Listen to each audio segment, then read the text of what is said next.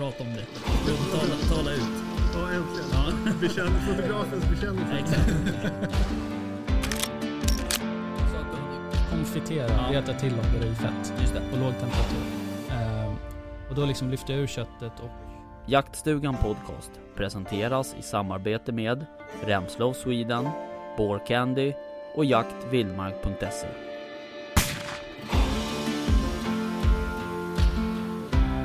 Välkomna till Jaktstugan Podcast tack. denna onsdag.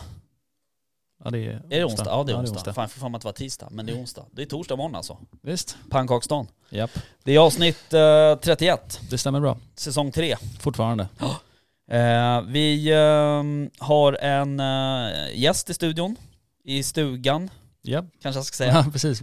Eh, Pasi, ifrån eh, Roselli. Ja, Ja, välkommen. tack tack. Kul att du är här. Ja, trevligt att vara här. Och du hittar ut till eh, jaktstugan. Ja, Ja. man kommer ju ut i en uh, jaktmark kändes det som. Ja, jo men det är verkligen så. Man kör igenom ett bostadsområde så kommer man ut i en jaktmark liksom. Mm. Ja, ja, vad trevligt. Hur har eh, veckan varit för er? Jo, lugn. Mm. Eller inte alls, men eh, Nej. man Mycket. kan väl in, låtsas i alla fall. Mycket på jobbet? Japp. Ja, mycket hemma. Mycket överallt. Hur går det med liksom, eh, du har ju små barn så Mm. att säga. Jo. Vabbandet och sådär. Det är Eh, konstant eller? jag tänker inte säga något Nej. för att då kommer det skita sig. Men, du vill eh, inte jinxa? Nej, precis. Nej, så kan det vara. Eh, februari var hyfsat smärtfri i alla fall. Jaha. Mm. Ja, skönt. Japp. Eh, hur gamla är barnen? Eh, de är fyra och eh, ett och ett halvt. Ja, okej. Yes. Så Mm. det är eh, fullt ös. Jaha, Pasi då, hur har din eh, vecka varit? Ja, men det är full fart. Eh, Var i fabriken förra veckan i Finland och um, tittade till och eh, vi håller på att ta fram lite nya produkter så att eh, det är eh, att eh, på hemmafronten planerar de och testa lite grann. Så har tagit med lite prototyper hem. Mm. Så att, eh, ja men det är, det är väl lite så här en säsong för oss också som är mitt emellan eh, jakt och Mm. eh, kanske sommaren som folk börjar eh, kitta upp sig med nya grejer igen då. Ja. Så att, ja, vi har massa planeringar. Ja, märker du att det liksom, eh, märker du att försäljningen ökar där i augusti? Ja, september? absolut. Eh, Ja, men jag, jag tror vi har lite så olika produkter då. Så Ja. knivarna eh, ökar kanske inför jaktsäsongen och sen ökar en friluftsyxa inför eh, sommaren Mm, när folk ska um, ha något med sig i ryggsäcken Ja, på det. vandringen. Då. Mm. All right. Hörru du, eh, nu pratar ju vi här som om att det, är liksom, det är självklart, men, men eh, eh, berätta lite om eh, Roselli. Eh, ni eh, började göra knivar om jag förstått det hela rätt. Ja, berätta precis. lite Ja. om, om er historia, för den är rätt intressant kan jag tycka. Ja, ja men det- började 1976 av en man som heter Heimo Roselli. Eh, han är ju finsk men det låter lite italienskt Ja. och har någon slags italiensk eh, påbrå långt bak i tiden som Ja. han själv inte riktigt vet. Men eh, ehm, så att han, han var alltid ehm, väldigt eh, liksom Ja, men det är väl lite så här, i, i Finland är det i, i, eh, i urskogen är, var det lite grann på den tiden att ja, men, fanns det ingenting bra så kanske man började tillverka det själv. Liksom. Och man var väldigt händig och, och eh, tiderna kanske inte var det bästa. Liksom, Nej. och sådär. Så, och, och Heimo var en, eh, eh, en smed på en liten eh, herrgård. Och eh, där började han sin karriär och eh, eh, smida knivar. Men sen la den smedverkstan ner i, i, i herrgården. Och då startade han sitt eget och eh, var väldigt kritiserad av många. Liksom, så här, men varför ska du, det finns så mycket bra knivar i Finland, liksom, hur ska du kunna konkurrera? Liksom? Men eh, han är en, eh, en väldigt driven person och eh, är 80 år idag och, eh, eh, och har liksom brunnit för, för att gö- göra ett bra hantverk. Och för honom var egentligen hantverkets, knivens hantverk själva stålet. Då. Okej. För att han, han var, eh, vill, ville liksom skapa en, eh, en- bra kniv som, och för, bra kniv för honom var då att eh, det är egentligen som knivens egenskaper handlar om är, är vass och håller skärpan länge då. Och, eh, och han valde eh, tidigt i sitt, i, sin, i sitt spår att eh, bara jobba med kolstålsknivar då. Mm. Eh, och, eh, och eh, mer han, eh, han jobbade med kolstålsknivarna så började han också då eh, se hur kan man eh, eh, utveckla kolstålskniven eh, prestanda från, från standardkolstål till, till eh, ha ännu bättre prestanda. Då. Och, eh, och då finns det ett anrikt gammalt eh, stålsort som heter woodstål från eh, ja, väldigt, väldigt långt tillbaka i tiden från Indien.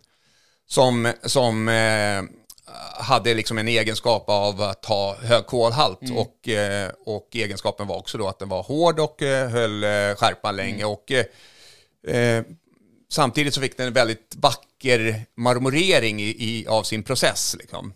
Så han hade det som ett sikte, liksom, att jag skulle uppfinna woodstålet igen. Och, och woodstålet, det, det är som lite märkligt att det receptet har bara försvunnit och det är ingen som har liksom sedan dess kunnat återskapa woodstålet.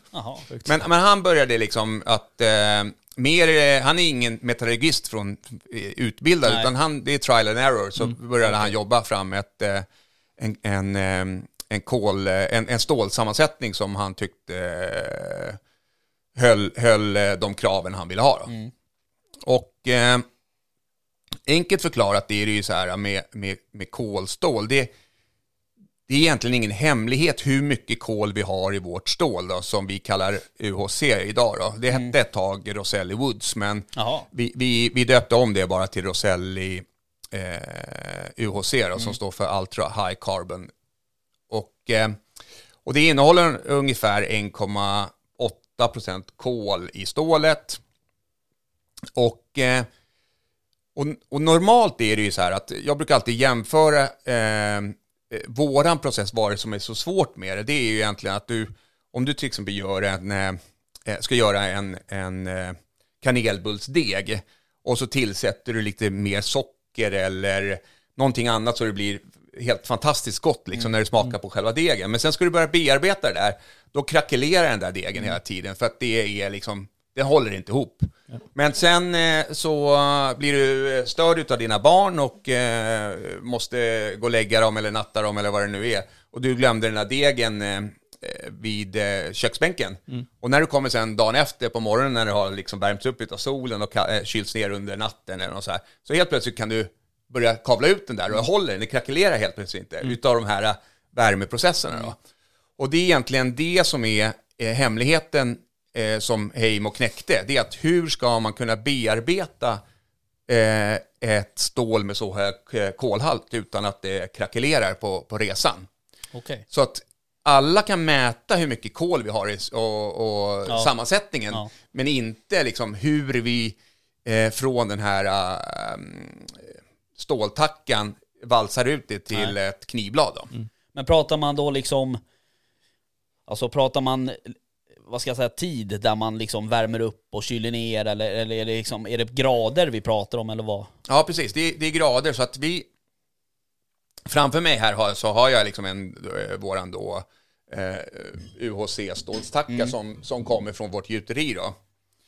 Eh, den här tackan får vi till oss och sen, sen ska den då valsas ut till en platt stålbit då. Och det är flera processer så att man värmer den i ugnen i i, eh, i en temperatur och sen valsar man ut det, sen värmer man i ugnen en gång till, så valsar man ut det, värmer ugnen en gång till och sen ehm, så kyls det ner i ett speciellt ehm, ehm, avkylningsbad och sen s- ligger det och eh, kyls ner ytterligare. Sen värms det upp i en annan temperatur i ugn och valsas. Och va- okej. Så det är massa Ja, liksom, processer och sen är det liksom härdningsprocessen och avstressningsprocessen av strålet. Så att det må- och är det en grej utav de där som går fel så har man sen när vi ska göra slutbearbetning av stålbladet så helt plötsligt så, så spricker den bara. Ja, okej. Och det märker man först då? Ja, det märker man först då liksom. All right. ja. Men ska det vara liksom snabba eh, temperatursförändringar eller behöver de ta, ta lite tid? ja, men vissa, vissa behöver ta tid och vissa behöver vara snabbt. Så att härdningen till exempel, den, den måste ju liksom ut från ugnen eh, supersnabbt och ner i, i ett Ja. eh, sva- svalande bad. Liksom. Och är det kyl, alltså kylningen som gör att den härdas? Ja, eh, det, ja det, först, härdningen är långt bak i processen. Okej. Liksom. Och, den, eh, och då härdar man den i en viss temperatur i ugnen Mm. och sen droppas den ner i det här eh, ett saltvattenlösning som vi använder för att eh, stoppa, liksom, kyla ner den. Och sen går man in i, i en ugn till för att då, man kallar det så här, stressa av stålet och få tillbaka liksom en, en slags elasticitet. För att annars så blir den på tok för hård och krackelerar eh, för lätt. Ja, intressant. Ja, Ja det är superintressant. Ja, verkligen. Eh, ni har ju på, på eran logga så står det så här One knife for life. Ja. Eh, var det så liksom lite i Finland att, att ja men du berättade ju själv att du hade ärvt liksom kniv och, och sådär och var det så i Finland? Ja, precis. Och, och vi, vi, eh, vi kom på den här slogan för, för några år sedan och det var egentligen så här, vi, vi satt och just tänkte på så här, men vad, vad är det som är eh, knivens historia i Finland som heter då Puko är ju liksom att det, det, den har, jag har alltid känt att kniven i sig har en, ett, ett liv som, som, man, som nästa generation vill veta vad den har varit. Så att det är många gånger vi fick en förfrågan till fabriken så här, ja men det, det, jag hittar den här kniven i min, Ja. min pappas bod liksom. Vad har, eh, vad har den varit med om ungefär? Eh, är, den, är den värd någonting liksom, och, och vill veta, liksom, det finns liksom så här, okej, vad har den där kniven varit med om? Ja. Och då kände vi liksom så här att okej, men det är, det, är, det är en finsk kultur att Ja. kniven ska gå vidare i arv. Och sen är jag ju själv eh, liksom, eh, väldigt fokuserad på liksom det här mil- miljömedvetna och eh, lite så här överkonsumtionen. Så att jag, jag tyckte det passade bra. Så att, eh, då, då tog vi ett, eh, klubbade vi igenom att ja, men vårt mål är att kniven egentligen aldrig ska dö. Liksom. Nej. Ja för att ni, eh, visst, visst renoverar ni knivar också? Ja. ja. Absolut. Så, och då instiftade vi också det, att, för att om, det kan ju vara så att folk inte kan hålla sig för att köpa en ny kniv, för att man, det här är ju ändå en lite materialsport det här med, med jakt. och, men då, om man då känner att ja, men jag vill förnya mig, jag vill ha en ny modell, det passade inte mig, då, då erbjuder vi att köpa tillbaka den, och så fixar vi ordning den, och så säljer vi den igen till eh, en, nästa generation. Ja, ja. Ja, snyggt. ja och, och, förhoppningsvis så kan vi också berätta vad, vad kniven har haft Ja. för story liksom, Ja, tid- tidigare. Men när började det här liksom, eh, ja, när började det liksom, vad ska jag säga, flyga? Eh, Roselli. Alltså om man var motarbetad i början så att säga, lossnade det någon gång? Så, Ja, det, det, det, någon gång har, har det ju lossnat, men, men, men, men eh, eh, om man tänker sig liksom att det, det är några eh, entusiastiska knivskapare i urskogen i Finland som ska nå ut med en, eh, en produkt i världen som, där man knappt pratar engelska. Nej. Så det är ju en ganska uppförsbacke i sig då. ja, det kan man Och, och, och, precis, så att, eh, så att det, det har ju varit en, en tuff resa för dem att nå utanför finska, finska gränserna, om man säger. I Finland är vi ju eh, liksom lika kända som Morakniv ungefär, om man ska säga så, fast, fast mer handgjort. Då. Okej. Men, men utanför så har vi egentligen bara, utanför finska gränserna så har vi ju kanske bara nåtts av dem som, eh, som har sökt efter något, eh, något speciellt. Och då har det liksom det här, vårt UHC-stål som är liksom lite, om man tittar på forum runt omkring i världen så, så finns det liksom en mystik Ja. bakom det. Och jag läste själv en artikel om Heimo Roselli, the, the mystical steel that only one man knows the secret. Det är ingen dålig liksom Nej, ingress. nej, nej, precis. Ja. Ja. Ja, vad kul. Ehm, men det har ju också varit så här sista, eh, sista åren vet jag inte, men, men man märker ju att det har blivit också ett uppsving på något sätt på, men på just handgjorda knivar och lite sådär, alltså konstnärliga knivar. Ja, Ja, verkligen. verkligen. Så att säga. Ja. Det, det, ja. förlåt, Eh, det märker man ju också verkligen med köksknivar. Ja. Att så här, folk börjar vårda sina knivar mycket bättre. Mm. Man är mer intresserad av det. ja, men det tror jag. Ja. Och det speglar ju också sig i liksom frilufts och jaktknivar. Ja, Ja. verkligen. Ja, så är det. Mm. Ja, för ni gör ju fri, eller friluftsknivar, ni gör ju köksknivar också eller? Ja, precis. Vi, har, vi gör köksknivar, men, men eh, DNA eh, av alla våra eh, liksom, knivsmedar är ju liksom inte stå i köket. Så att vi håller på att faktiskt ta fram en helt ny kockknivserie som Okej. eh, tillsammans med eh, eh, en kock som vi liksom har konsulterat för att liksom få rätt känsla och ergonomi. För det är en helt annan grej. Ja, liksom. ja, ja. ja de är ju Ja. känsliga om något. Ja, verkligen. säga. Ja, ja okej. Ehm, men du, eh, Har du sett någon, du som har, du, för du är ju från Finland Ja, eh, och du är ju uppvuxen i, i den här byn ja. där den här um, Knivfabriken finns. Ja, precis.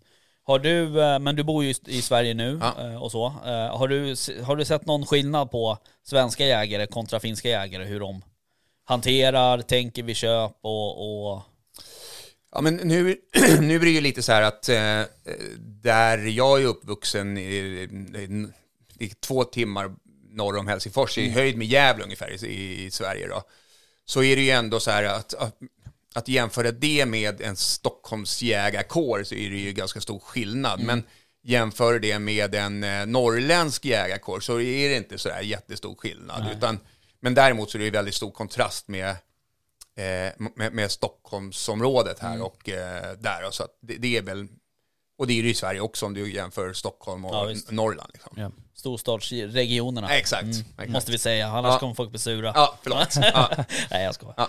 Ja, okej. Ehm, ja men du ehm, om man eh, liksom Om man ska köpa sig en kniv då, som vi pratade om det lite innan vi började eh, Innan jag tryckte på räckknappen Mm. här Eh, Så det är inte så ofta eh, man får eh, frågan ifrån nyblivna jägare Vilken Nej. kniv jag ska köpa Ja. Eh, Men, eh, och det, är det kan man ju tycka är lite konstigt, men, men eh, om man nu är en nybliven jägare, vad ska man tänka då som första knivköp? Ja. Det beror ju eh, såklart på hur man jagar, men eh, Precis. generellt sett. Och, och, och, och sen är det ju svårt att säga så här, vad, vad är liksom exakt en rätt, rätt jackkniv? Det är ju lite grann vad man, vad man själv kommer att använda det till. Jag menar, en jackkniv kan ju lika gärna vara en ren friluftskniv Ja, som man använder eh, att tälja korvpinne med och, allt det där. Så att, ja, men, jag, jag skulle ehm, tänka på några saker. Ja, men del, dels är det ju det här som jag tycker nu är, är, är, är lite vår del i alla fall. Det är ju liksom att det här, jag, jag tycker att en, en vacker kniv kan ju också då gå i generation. Så att man, är man, är man då 18-årig kanske man inte tänker på så här mycket på generation, men om, om man är lite äldre så kanske man tänker på, på eh, att, att man vill ge vidare det här. Det är ungefär som man kanske har en klocka eller smycke eller någonting som man vill, man, man vill ge tillbaka till sina barn. Så att, men, men är man en nyexaminerad eh, jägare runt 18-årsåldern, då, då, då, då kan ju vara så att eh, pengen är ett avgörande. liksom. Men, ehm, eh, men är man äldre kategorin, då, då skulle jag ju satsa, försöka satsa någonting på kvalitet som håller i, i, längden lite grann.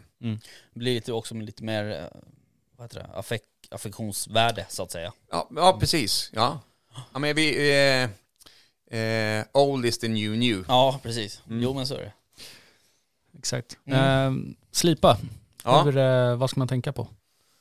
Ja, men eh, jag kanske ska bara berätta lite grann om det här med, här, innan vi kommer in på slipningen, med, med just det här med kolhalten om man säger. Ja, vad, vad, är- vad, vad ger en hög kolhalt i stål då?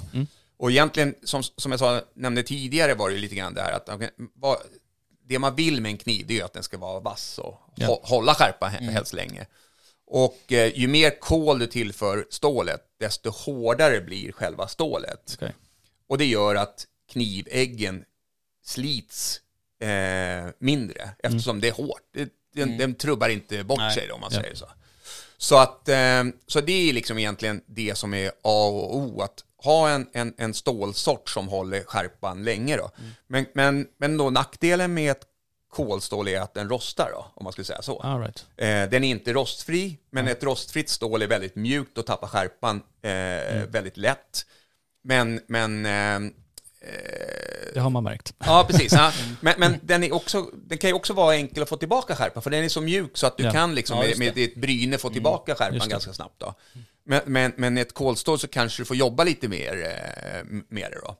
Men, men eh, eh, så, så då kommer det då till eh, slipningen. Då. Så då har du egentligen två olika typer av eh, slipning, om man ska säga. Alltså, ena är ju underhållsslipa kniven. Det gäller liksom då att regelbundet dra ett bryne på att, att, att eh, hålla äggen vass. Då. Och sen till slut så blir det ju så att själva äggen blir rund och Ja. då måste man slipa. Det, det första är ju bryna och det andra är slipa. Då. Ja. Ja, just det. Eh, och det förväxlar ofta folk Ja. att det är samma, liksom, att man tar den där stickan hemma till kökskniven och så slipar man men fast man då bryr den bara. Och, eh, och sen är det då slipa och, och här, här, här har jag märkt det lite grann att börjar man söka på YouTube så, så börjar man bli ganska förvirrad. Så här, vad är det för rätt, rätt? Ska jag köra rakt fram eller ska Ja. jag köra si, sidan? Vad är rätt liksom?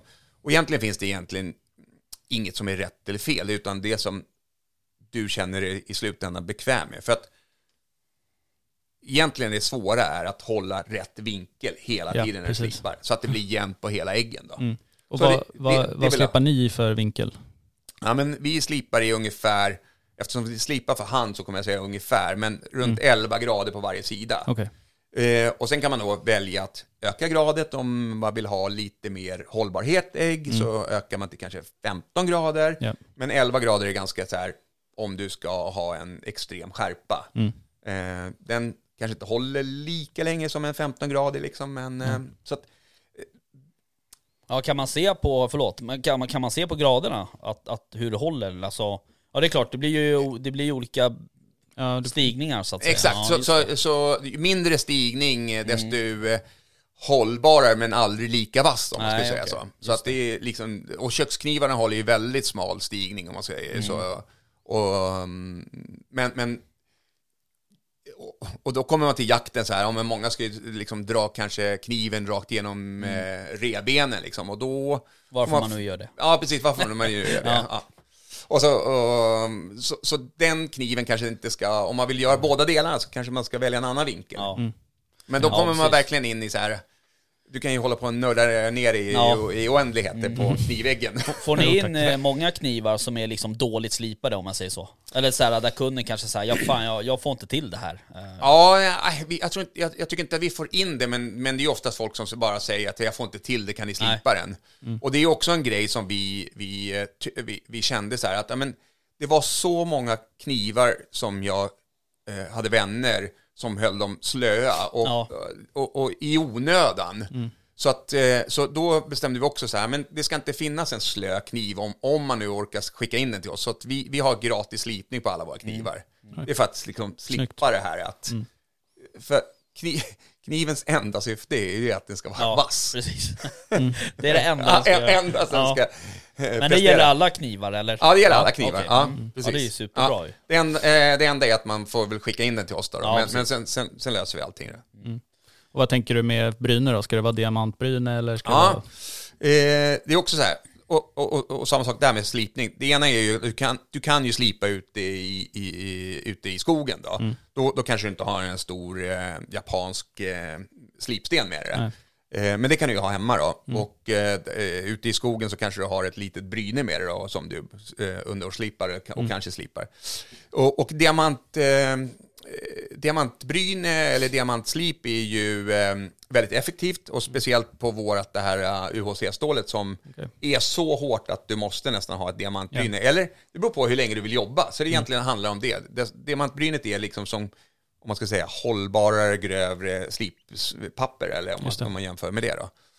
Eh, och en, en slipsten är liksom oftast finare då. Mm. Så det beror på också hur, hur skadad din ägg är. Att du kanske börjar med ett grövre slipsten än Just diamantgrov och sen går du ner liksom i, i grader. Det är ungefär som du slipar en vägg hemma. Liksom. Du börjar grovt och sen går du ner i, i kornstorlek på slippappret. Okej. De här, äh, det, har- det har ju- kommit en del sådär äh, slipmaskiner eller vad, de, vad man säger. Ja. Ja, det heter det väl. Ja. Ja. Till, till liksom konsumenter, alltså privatkonsumenter. Så här. Hur, hur ställ, hur, vad tycker ni om dem egentligen? Nej, men jag skulle säga så här, alltså de, de, de, de man ser mest är väl sådana här som man sätter med så här två rullhjul liksom, Ja. som man drar lite fram och Ja. tillbaka.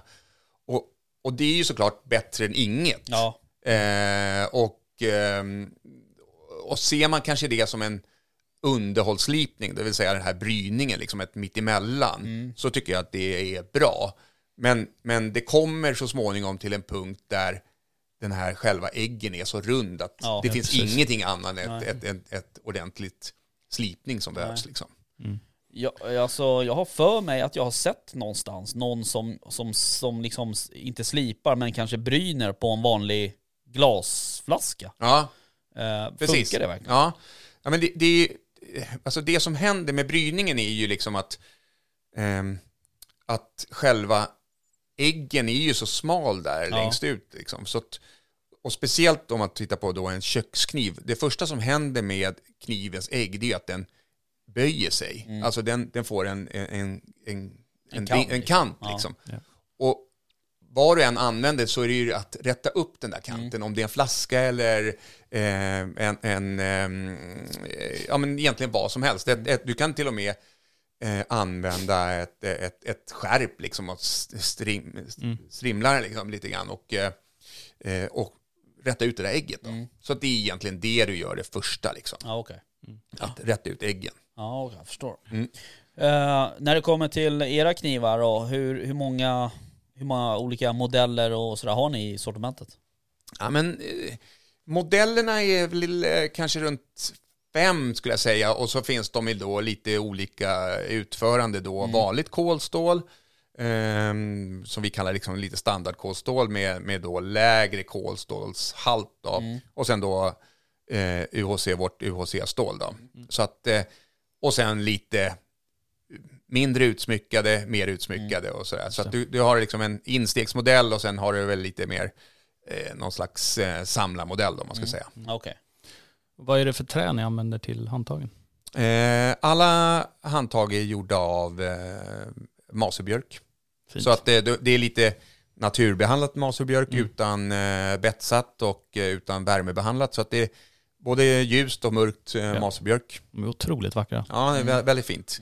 Men det är också som, som det är nästan som en så här, när, man, när, när du tar maserbjörken så är det den inre delen, så vi får ju också väldigt mycket spill då när vi ska plocka de fina delarna. Det. det. är som en, som en köttbit liksom. Ja. Du vill plocka eh, en bra entrecôtebit Ja. liksom. Då, då är det liksom den delen som vi måste skära ur liksom. Mm. Och resten blir liksom, ja, köttfärs då kanske. Ja.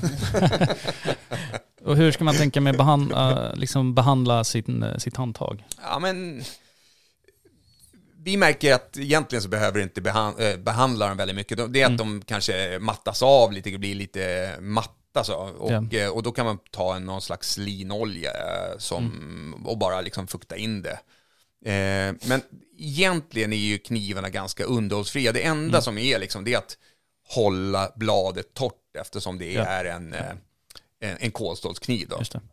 Men, men, eh, men gör det så det är inte som en bil som rostar bort liksom, Nej. utan du får liksom lite fläckar på det och det är egentligen inget skadligt. Men, Mm. ehm, men, men det är så här, ett, ett vapen, du ställer inte in det i vapenskåpet blött liksom. Nej. Du, då har du fläckar på det. Ja. Det, det är samma sak här liksom. Vårda den lite grann och så då har du en, eh, en kniv som håller eh, i generationer. Mm. Men det är inte så att det så här torkar ut? Ehm, Nej, lädret är ju såklart att det, det kan ju torka ut. Det- Jag skulle säga så här, det, det kanske är det som är liksom lite då och då eh, dags att eh, fetta in eller, Mm. eh, eller det är också ett levande material att det kanske tänjer sig lite grann, att man får bara lä- lägga in en liten eh, läderbit för att hålla kniven på plats liksom. ja. Eh, jag tänkte på när du pratade om spill där, hur mycket spill blir det? Är, är det där någon typ av standardtacka? Ja, det här är standardtacka. Ja. Ja, tyvärr så blir det ju lite spill. Ja. Eftersom eh, den här valsa står ut till en eh, platt, eh, eh, en, en, en stålplatta då. Och, och från det så skär man ut de här eh, stålbladen. Så ty, tyvärr så blir det ju lite spill där. Eh, vi försöker minimera spill på läder, vi gör liksom lite nyckelringar utav Ja. saker som blir över. Och, och trät så gör vi också liksom även de bitarna som inte är det här mest marmorerade kanske vi gör då en, en, en enklare modell av kniv av. Liksom, så att Okej. vi, vi försöker göra. Ja. Så att, eh, ja, nej, men utan spill är nog svårt att jobba ja, helt. ja. Liksom. Jo men så är det. Ja. Det är svårt också när det liksom är ett hantverk sådär, när det liksom inte går på rullande band. Verkligen. Om man säger så. Hur många är det som jobbar i, i fabriken? Här? Ja, men nu är vi eh, 13 stycken ungefär som, Mm. som jobbar och då, eh, och då är det ju verkligen att vi gör hela processen i, eh, i den här lilla fabriken. Så vi skär liksom trät som kommer in, eh, och så, eller först torkar vi träet, skär dem i bitarna och ehm, läder som kommer in som sto- stora bitar, naturgarvat läder som vi sen stansar och skär eh, eh, för fodralen och syr. Så att varenda del i, i kniven görs eh, i, i vår egen eh, fabrik. Och bara finska, vad heter det? finska produkter då. Lädret och träet och Okej. metallen och allt det där. Vad är det för läder? Naturgarvat, Ja, men, eh, eh, cool. cool, Ja. läder. Ja. Eh, för det där var ju en fråga vi fick in om Mm. just läderslidan där. Eh, Mm. För det har ju varit lite sådär diskussion om läder kontra plast och Mm. hygien och tvätta Ja. av och sådär. Ja. Vad, vad anser du om, om det? Ja, ja, men för det första så, så ska du ju liksom inte stoppa ner en skitig kniv i något fodral överhuvudtaget. Så, så att om det är ett plastfodral och vi hade haft en kolstålskniv så skulle du ju ändå behöva liksom torka av den. Så jag tycker väl så här, egentligen en hygienfaktor att inte överhuvudtaget använda en smutsig kniv ner i ett fodral om det är plast eller... sen, eh, sen tycker jag ju personligen att det finns en, en, en, en sliten och patinerad eh, knivslida av läder ju- är ju liksom ett är- vackrare än Ja. en sliten eh, plast. Och sen, sen är plast plast och jag är lite så här allergisk mot plast. Men sen finns det ju då självklart nackdelar med, eh, med läder också. Det har Mm. ett avtryck på, på miljön liksom. Men, eh, ehm, ja, men det, det men har jag, jag, jag, Det har väl plast också i och för Ja, sig? precis. Ja, plast har jag absolut. Ja. Mm. Ja. exakt, det är det jag menar. Plast har det, men, men jag kan inte säga att inte läder har det. Nej, läder nej. har också det. Ja, Liksom. visst. så att det, det, allt har ett eh, avtryck på miljön tyvärr, Mm. eh, miljöpåverkan. Men ja, det- man får försöka välja det som har minst Mm. om man ska säga. Men skulle man kunna liksom värma, värma upp lädret för att döda bakterier? Eller skulle du ta skada av det? Då? Jag, alltså, jag, jag tror ju inte att Alltså lädret i sig har ju inga bakterier. Nej, Det- nej, nej, det- men om man sätter ner en Sätter kniv, ner ja. i det, ja. ja, ja, efter ett tag så är det kanske enklare att byta ut läderfodralet då, om man ska säga. Mm. Så att eh, det, det, det kan... Du, du bara beställer ett nytt läderfodral till slut då. Så det, Ja. det är minsta problemet. Ja. Nej, det är ju, det är ju snygga fodral Ja. också. Så Ja, att, verkligen. så att ehm, man, man vill ju ehm, helst inte hänga på sig ett plastfodral faktiskt. Nej. Nej, precis. Och det är, det är också sådär, um, oftast har man ju kanske två knivar på sig. Mm. Och har du två knivar med plastfodral, Ja. då vet du ju hur det låter när man ska smyga på den här Ja, bocken exakt. sen i augusti. Blir man ju vansinnig. Men eh, Man kan ju alltid ha med sig liksom en eh, förpackning våtservetter i fickan. ja, En sån här engångsvåtservett och bara... Mm. Ja. Jag var för övrigt på apoteket här för några dagar sedan och köpte engångshandskar och eh, barnpuder. och då tänkte jag sen när jag stod där i kassan, undrar vad hon tänker, alltså, vad jag ska göra med de här liksom. Ja, ja, det var en parentes. Ja. Men du, gör ni, kan man beställa custom-knivar av er också med ja, men gravyr och kanske lite om man har? Ja, absolut. Vi, vi, har, eh, vi har funderat på det flera gånger om vi ska liksom bygga någon slags konfigurator på hemsidan. Men eh, vi har inte kommit dit ännu. Nej. Vi har haft en massa annat eh, utmaningar att ta tag i. Men, men vi, det är ju väldigt ofta som folk kontaktar oss och säger så här, men skulle jag kunna få med ett ljust handtag istället? Eller mörk slida eller ljus slida liksom. Så att eh, allt går att göra. Det är egentligen bara att ehm, ja, ha, ha en dialog med oss. Det är ju Och, och gravi, gravera knivarna gör, det ingår om man vill ha det. Liksom. Ja, så, okej. att, så att det gör vi när du beställer. Då. Men, men om man lägger en beställning, Mm. eh, jag antar att ni har ett litet lager sådär, men, men eh, kan det vara så att det blir någon leveranstid för att man behöver, kniven behöver göras? Så att Ja, precis. Eh, Våra Damaskusknivar gör vi på beställning. Ja. Då, så att de, de har vi inte i lager. Utan, men vi försöker ha de andra knivarna i, i lager i princip. Så att eh, det går ganska snabbt. Mm, Förklara gärna vad Damaskus innebär. Mm. Och då kommer vi tillbaka till det här Woods. Eh, för Woodstålet som jag nämnde har ju väldigt så här om en marmorerad yta. Och, eh, och Damaskusstålet eh, eh, började man liksom tillverka för att liksom komma fram till lite eh, den här vackra Woods Ja. eh, marmoreringen då. Och Damaskusstål är ju egentligen eh, flera lager utav stål och det du tar kanske en vad ska man säga, en, eh, en, en, en stålbit som är 3-4 mm tjock då. Och så lägger du flera sådana på, la- på, på varandra. Okej. Och sen svetsar du ihop dem med, eh, inte ett svets utan ett, ett, eh, en pul pulver som, som svetsar samman de här Okej. eh, lagren. Och, eh, och sen smider du dem och då blir den, eh, den här kakan av de här lagren längre. Då kapar du av den och så tar du eh, eh, nästa, stackar dem på varandra om man skulle säga så. Ja. Och så knackar du igen och så blir den lång och så kapar du den och så lägger du på. Och så beroende på hur många lager eh, utav den här mönstringen du vill ha. Eh, och desto fler lager, desto mer mönstrat då. Okej. Så det är liksom egentligen Damaskusstålet. Och, eh, och, och många kanske anser att det är, liksom, är det starkaste eller hårdaste stålet som, som de har. Men, eh, och det är ett väldigt hårt stål beroende på vilka stålsorter man använder i det. Men, men jag skulle säga liksom, en, en fin handgjord Damaskus är liksom ett, ett smycke. Liksom. Ja. Det, det är nästan som man inte skulle våga använda den i Nej, skogen. precis. Men, men det, det, det tycker jag ändå man ska göra. Men Damaskus, eh, det är, alltså en, ett, det är alltså ett tillverkningssätt? Ja, precis. Inte, ett- inte en stålsort? Nej, det är Nej, Damaskus. okej. Det, är, det är de här lagringarna då. All right. Och, och många sa ju, liksom frågade mig så "Ah, men man viker väl? Nej, men det är inte det att man viker, utan du, du, du ehm, kapar av den och lägger liksom på nästa. Då. Så att det, det är det här mönstringen som är Damaskus då. Okej. Och då finns det ju olika typer av Damaskus. Det finns pulver-Damaskus som är lite mer maskintillverkat. Som inte är, det har en, ett mönster, men det är liksom, finns inget hantverk nej, i det, utan det är liksom helt maskinellt. Då. Ja, okej. Men det är samma grundstål som är... Ja, men du kan välja, du, du, i de här lagren så kan du välja liksom det mittersta lagret som ska vara själva skärstålet. Ja, jäklar. där, där kan du ju liksom, för när du då hamrar ihop de här, så ska du veta vilket som är mittersta stålet. Då. Ja, det är ju verkligen nördnivå alltså. Men, eh, härstammar det från Damaskus eller var, var kommer namnet ifrån? Oh, Det det, det borde du göra. Ja, man tycker ja. det.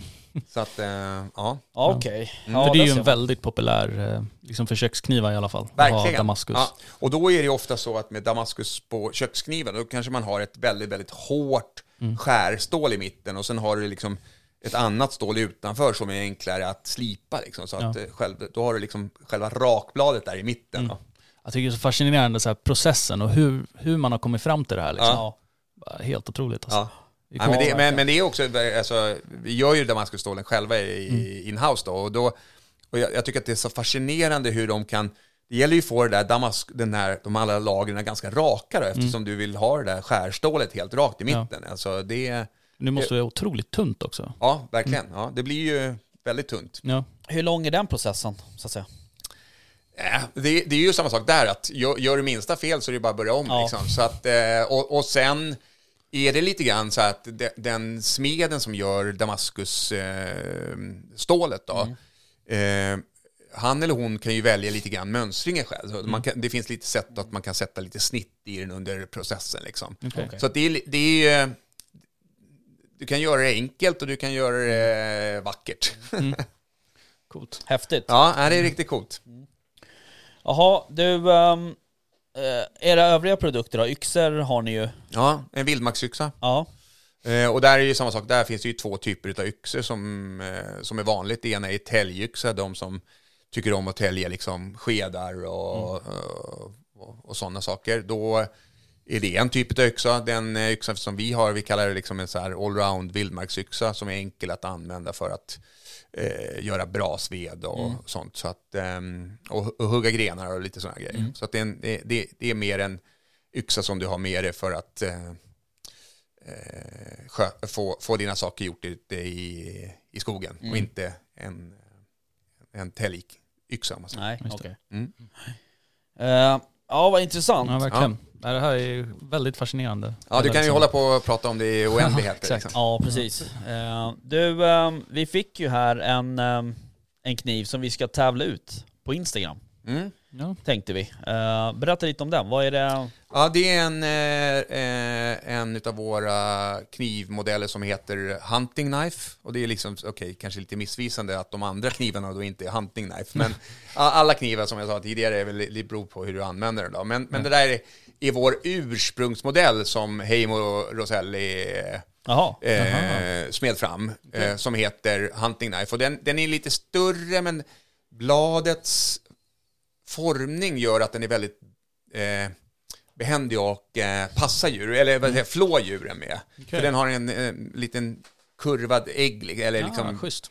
så att det- är en, en traditionell finsk älgjägarkniv. Mm. Är ganska lämplig passning också. Ja, precis. Ja, Ja. men det, det ja, passning kan, ja, den är, den, för, för en, en van jägare så är det absolut det. Ja. Men, men just att eh, liksom, eh, vad heter det, flåren är den är Mm. helt outstanding för. Du ser den när det är lite böjd där, ser du? Att Ja, den går det. upp liksom, så att när du, när du flår igen, så ja. Ja, precis. Det är inte jättes, liksom, själva äggen är ju inte så jättestor.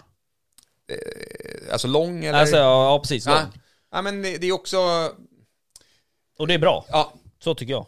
Så att, ja, det här är ju min, det här är ju min favoritkniv som har en, väldigt kort Ja, liksom. precis. Just Exakt. för att eh, jag Exakt. använder ju egentligen inte en buköppnare utan jag sätter med Ja, fingret så här ja, och så öppnar jag. Och kan, kan skydda liksom äggen. Man Eller känner spetsen. ju liksom verkligen, alltså om du känner på, på äggen här där det liksom inte är slipat eller vad ska jag säga, så känner, alltså du, man känner ju nästan att det liksom är, är kol liksom, på något sätt. Alltså det känns liksom, Ja, ja. ja men det är lite en, det är också så här, ja, men det är, sam, det är liksom sådär, vad ska jag en säga? rå yta. Ja, exakt. Ja, Fantastiskt. ja. Häftigt. Får jag känna på det? Absolut. Ja den där lilla kniven, får jag känna på Ja, den? Den, den var ju super. ja, Ja. den är ju härlig. den här var ju verkligen, det här är ja superfin. Alltså det här är ju, det här är precis i min, min kopp of tea alltså. Mm. Eh, helt klart. Och de där, ehm, den bakre delen och eh, den mellan kniven och själva handtaget, det är äkta silver på den där. Okej. Ja just det. Det är ju väldigt skönt eh, handtag Ja, framförallt. ja verkligen. Eh, Du har ju någon modell här också med, med stål till. Ja, tändstål ja. Ja, Ja, vi tändstål. kallar den där lite mer som en eh, bushcraft-variant. Och, och det verkar vi liksom utomlands så är det ju liksom eh, väldigt, väldigt populärt med så här bushcraft. eh, Folk som är ute och, Okej. och spenderar helgen i skogen och bygger lite kojor och sådär. right. Och då eh, älskar de ju att laga mat över öppen eld och då... Alltså otroligt liksom gedigna. Ja. Men ändå liksom... Alltså Det- den, den ligger ju superbra i handen alltså. Ja. Det Och, andas det, och den kvalitet. där Ja, kniven, verkligen. eh, kniven kallas då full tang. Full tang betyder att själva Ja, eh, stålet går igenom hela handtaget. Ja, då. Och det, och det är också lite så här tycke och smak. Man märker speciellt Tyskland, USA är, gillar full tang medans eh, finska kulturen är inte full tang överhuvudtaget. Okej. Utan det, man ser inte stålet i själva handtaget. Eh, du pratar ju om buköppnare. Är det något som... Har ni ja, buköppnare ja, också? jag fick faktiskt inte med mig det, men vi har det också. Ja, så okej. att, eh, Finns det något eh, paket? Alltså om man köper... Alltså, Ja, men vi har ett, eh, ett kombo, eh, kombofodral som har då den här hunting knife och en eh, buköppnare. Ja, nice. Eller en, en lite mindre kniv och buköppnare. Så att, eh, ja. Mm. Cool. Så det, så, här, så det sitter en liten slida på lite slidande om man Mm. säger. Ja, precis. Ja. Men säljer ni över hela världen eller är det Ja, jag, jag, jag, vi, titt, vi tittade förra året när vi skulle avsluta. Jag tror att vi hade sålt till 22 olika länder. Så att det, Wow. Coolt. ja. Jag var inne och kollade då på, på er hemsida idag och ni har ju eh, ni har en del ambassadörer Mm. eh, som är eh, Ja, de, de, nu såg jag inte exakt men det verkar ju vara Tyskland och USA och lite sådär. ja, precis. Det är lite, och Mexiko till och Ja, med sträcker sig. Mm. Men, men det har blivit av eh, att vi började med ambassadören, att det har blivit lite mer bushcraft eh, folk. Men nu, nu tittar vi på att vi, vi måste ju såklart, eftersom vi själva är jägare, att ha, ha några jägarambassadörer. Ja, precis. Mm. Eh, du, ehm, nu vet ju jag att du eh, jagar ju med tax också. Ja, Så nu ska vi prata taxar i en halvtimme. Nej, Ja. Eh, men du, hur, var, hur har drevsäsongen varit för dig? ja men jag tycker att det, det var en bra säsong och jag har två taxar, en som fyller fem år idag faktiskt, eh, Jane, och en, en lite mindre som är tre år. Och jag tycker att Jane har liksom verkligen det här, eh, nu känns det ju som att ja, alla, alla saker faller på plats liksom. Så att ehm, jag har liksom inte velat att göra Jane eller någon av hundarna så här superren för rådjur Nej. eller eh, utan de, de har fått gå på lite älg och eh, kanske inte medvetet gå på vildsvin. Men, men vi hade lite, lite kul eh, drevjakt på älgpremiären där vi fick skjuta på en dag eh, två älgar för, för varsin hund. Då. Ja, Och, det, och jag tycker att det var så här skönt att man kan ha en liten tax som, Ja, som driver ut ett par Ja. älgar också. ja det är ju fantastiskt. Är det svenska eller finska linjer? Eh, svenska från Ja. Gotland. Okej. Ja. All right. Ehm, ja, snart drar ju liksom uh, smygjaktsäsongen igång här också. Ehm, och um, gillar du smygjakt också? Ja, ja. ab- absolut. Ja, det det är ju också känsla så här på något sätt att, ja, speciellt första maj då, Ja. vårbockjakten, Ja. är ju liksom en, en känsla av att nu kommer, nu kommer så, våren liksom på något Mm. sätt. Så en, en härlig dag, första maj är ju helt fantastiskt. Liksom. Mm. Mm. Det blir mycket jakt i Finland också. Ja, men eh, där, eh, min barndomsby då, där är det ganska mycket mårdhund. Ja, Och okej. Jag tycker att det är faktiskt lite kul att jaga dem, för enormt mycket, så de, de måste ju skjutas bort. Ja. Eh, och sen är det en, en fantastiskt vacker päls. Liksom. Mm. Och att, jag vet inte, eh, mina barn har ju älskat att ha dem i, i pulkan. Liksom. Ja, just det. De är helt magisk. Ja, härligt. Ja. Hur jagar ni dem då? Eh, vakjakt. Ah, Men de, right. de, de är faktiskt väldigt speciella, för de spelar också döda.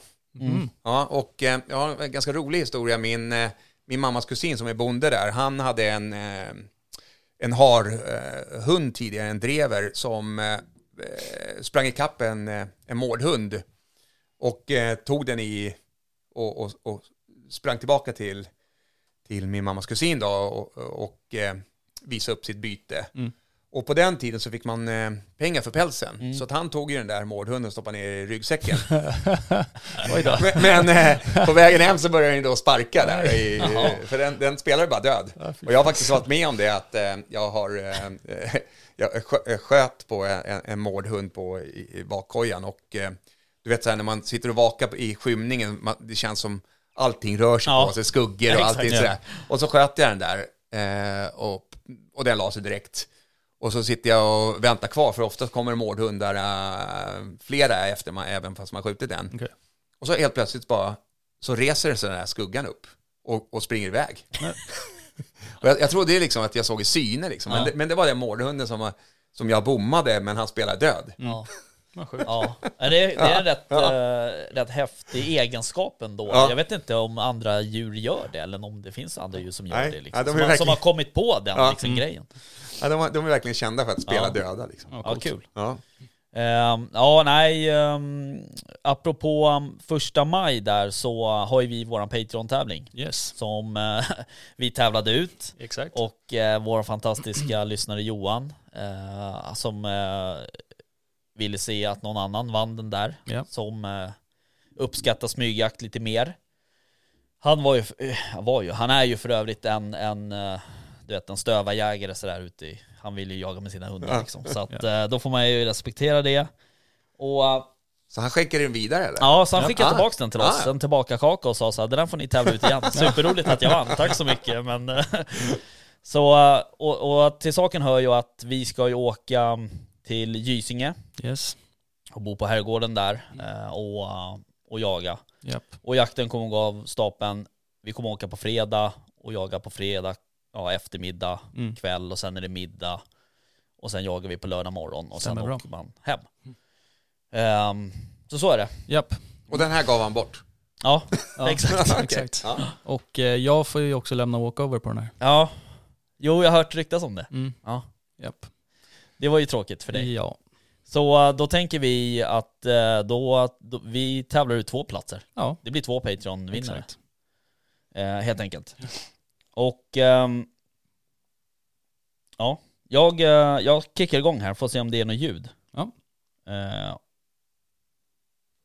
vänta nu, jag måste se så jag är rätt här. Nej, det var inget ljud. Nu hittade jag. Ja, bra. Okej, då så. Då kör vi. Då ska vi, nu har vi rätt. Eh, nu ska vi uh, tävla ut här. Jag måste bara kolla så att det är rätt. eh, det verkar vara. Ja, vi drar första vinnaren då. Ja, Hörs det? Ja det gör det. Just det, det var den här som var typ 10 sekunder. jaha. Eh, då är det en person som heter Pontus Görlid. Mm. Grattis. Verkligen. Eh, Pontus Görlid, jag tror att han, undrar om inte han har varit Patreon väldigt länge. Tycker jag känner igen namnet. Man ser ju liksom, när man är inne i Patreon och jobbar Mm. så att säga, så ser man ju den här listan hela tiden. Ja, exakt. Kul för honom i alla fall. Ja, eh, vi får höra av oss eh, till honom. Mm. Eh, och sen så drar vi din plats då. Ja. Du, du, du ska inte med då? Alltså jag vill, Men? men eh, jag ska jobba. Tråkigt för dig. Japp. Eh, så får vi se vem som får din plats då. Mm. Då är det en tjej som heter Amanda. Ja. Kul! Kul, grattis. Vi hör av oss till, till dem. Ja. Eh, så får vi styra upp det därifrån. Mm. Så enkelt. blir det, blir det bäver. Bävergryta? Ja. Ja alltså vem ska laga den då tänker Jag får ju lämna över passpinnen till någon annan. Alltså Nille ska ju med. Ja, då får han fixa. Han kan ju laga, jag och Vickan vi är ju liksom, eh, vi är ju matvaccinerade. Min pappa brukar säga att jag är bollvaccinerad. Så att jag inte kan spela fotboll. Men, eh, så, jag tänker att Nille får väl Ja. laga mat. Gött. Vi, vi hade ju, eh, vi var ju på en vårboxjakt förra året och då sköt jag en bäver där några veckor innan, här hemma i kanalen. Och den tillagade ju väst då som en bävergryta. Mm. Eh, alltså det var ju, alltså det var ju förvånansvärt gott faktiskt. Det Det, låter jättegott. ju inte så gott att säga att man ska äta bäver. Nej. Men eh, det var faktiskt det. Ja, verkligen. Det var väldigt gott. Ja, Men Hur, hur, eh, hur tillagar du den? Eh, jag gjorde den liksom slow cooked med eh, mango chili och eh, mörk choklad som liksom gry, grytbas. Ja. Eh, sen så slängde jag in den i röken ett tag också. Oh, låter avancerat. Ja, det, Ja, det det tog Ja. ju tid liksom. Men eh, resultatet blev ju väldigt bra. ja. Ja. Så körde vi den med en så här jamaicanskt ris som är kokt i kokosmjölk. Ja. Ja, det var så gott. Ja, faktiskt. ja, det var...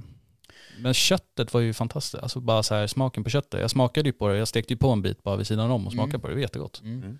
Liksom inte alls det man tänker sig. Nej.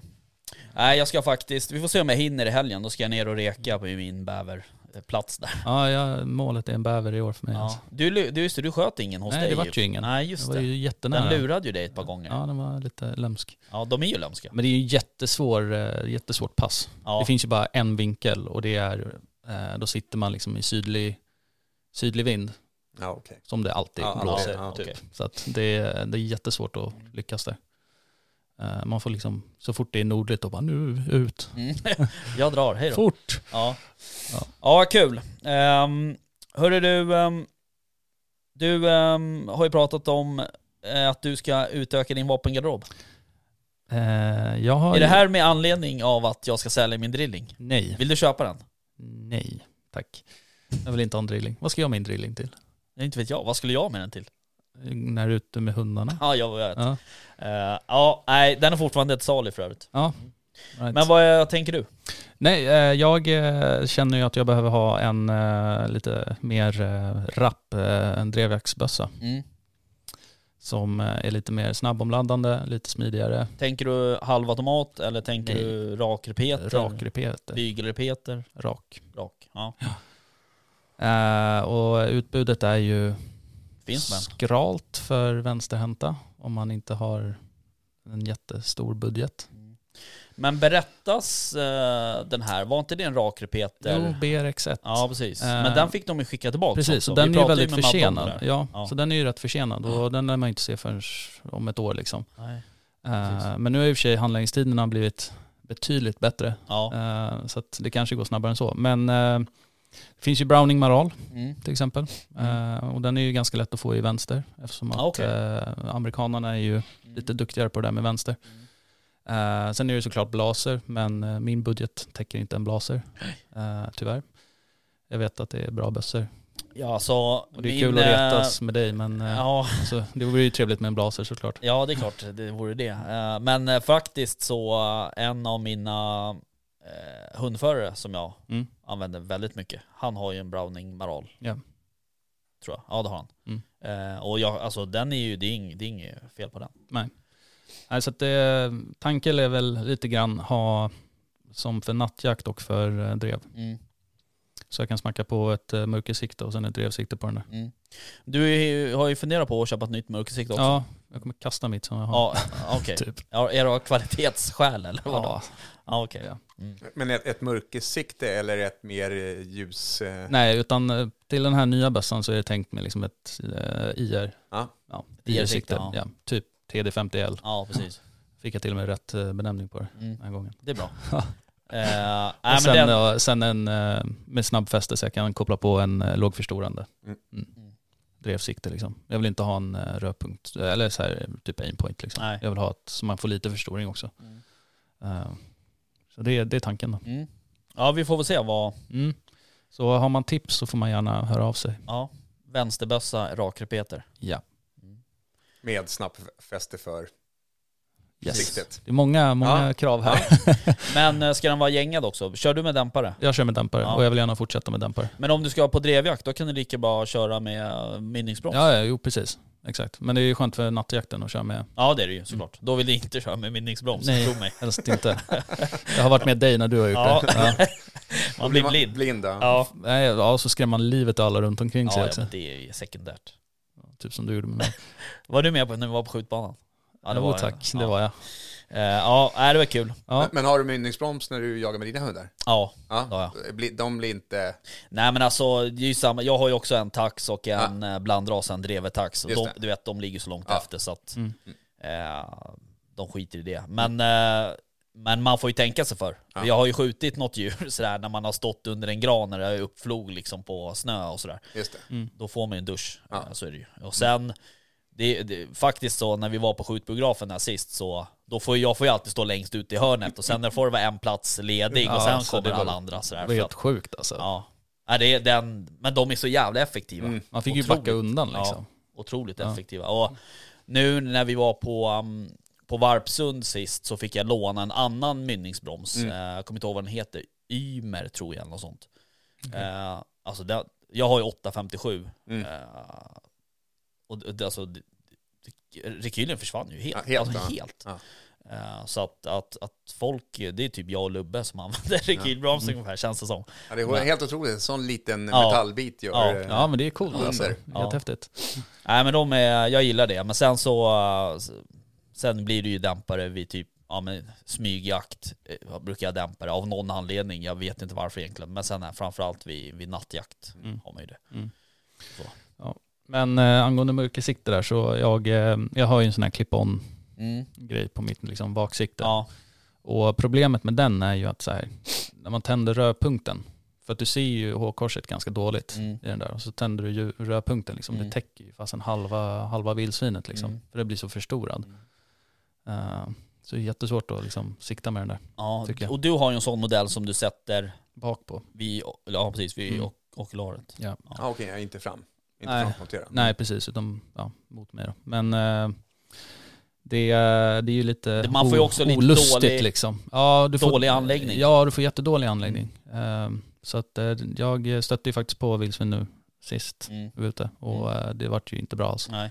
Sköt ju en bom på det där. Mm. Eh, och det var ju, vi gick ju med hundar länge och Mm. sökte men vi hittade ju noll liksom. Mm. Och den hunden skulle ju markerat om det var en Ja, träff. ja, ja, den ger sig inte. Eh, och jag misstänker att jag sköt lågt Mm. i backen. Eh, men eh, nej, det är inte alls kul. Nej. Så jag kommer ju inte använda den igen. Nej. Nu blir Nej, lampa det. tatis. Ja, och annat. alltså lamp, man kan säga vad man vill, men lampa är fan, det är ganska effektivt alltså. Mm. Faktiskt. Om man vet hur, hur man ska göra. Ja. Man är lite försiktig. Ja, precis. Eh, så är det. Jag har alltid känt mig lite stressad av lampa. Att man måste Ja. liksom tända och sen skjuta Mm. direkt liksom. Men eh, ibland har man ju lite tid på sig. Bara ta det lugnt. Ja, jag var ju uppe igår. Mm. Eh, men det var ju helt dött. Ja. Eh, superfin och, och trevlig kväll. Eh, Mm. Men eh, stjärnklart och snö liksom så, här. så man såg, Mm. och det var ju så här månen var ju så här 25% ungefär eller max. Men du såg ändå hur, Mm. hur bra som helst typ. Sen hade du ju ett bra verktyg med dig också. Exakt. Ja. Jag hade din värmekamera. Exakt. Eh, men, eh, nej, men det var bara rådjur och harar till Mm. förbannelsen som vanligt. Ja. Eh, Det är, och lite så, det är ju så jädra mycket att ha det där. Ja det är helt stört. Det är Ja det är alltså det är... det är- Harmageddon Ja alltså. jag vet, det är Ja. helt otroligt.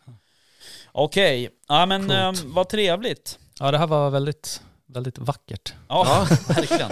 Vi får, En, en vacker. Ja, nu verkligen. måste vi ju skrapa ihop en bild också så att vi kan... Exakt. Vi är lite dåliga på att ta bilder. Men, ja, eh, jag är ju tydligen jättedålig så att, Ja. ja. och du, du är ganska dålig ska jag säga på det.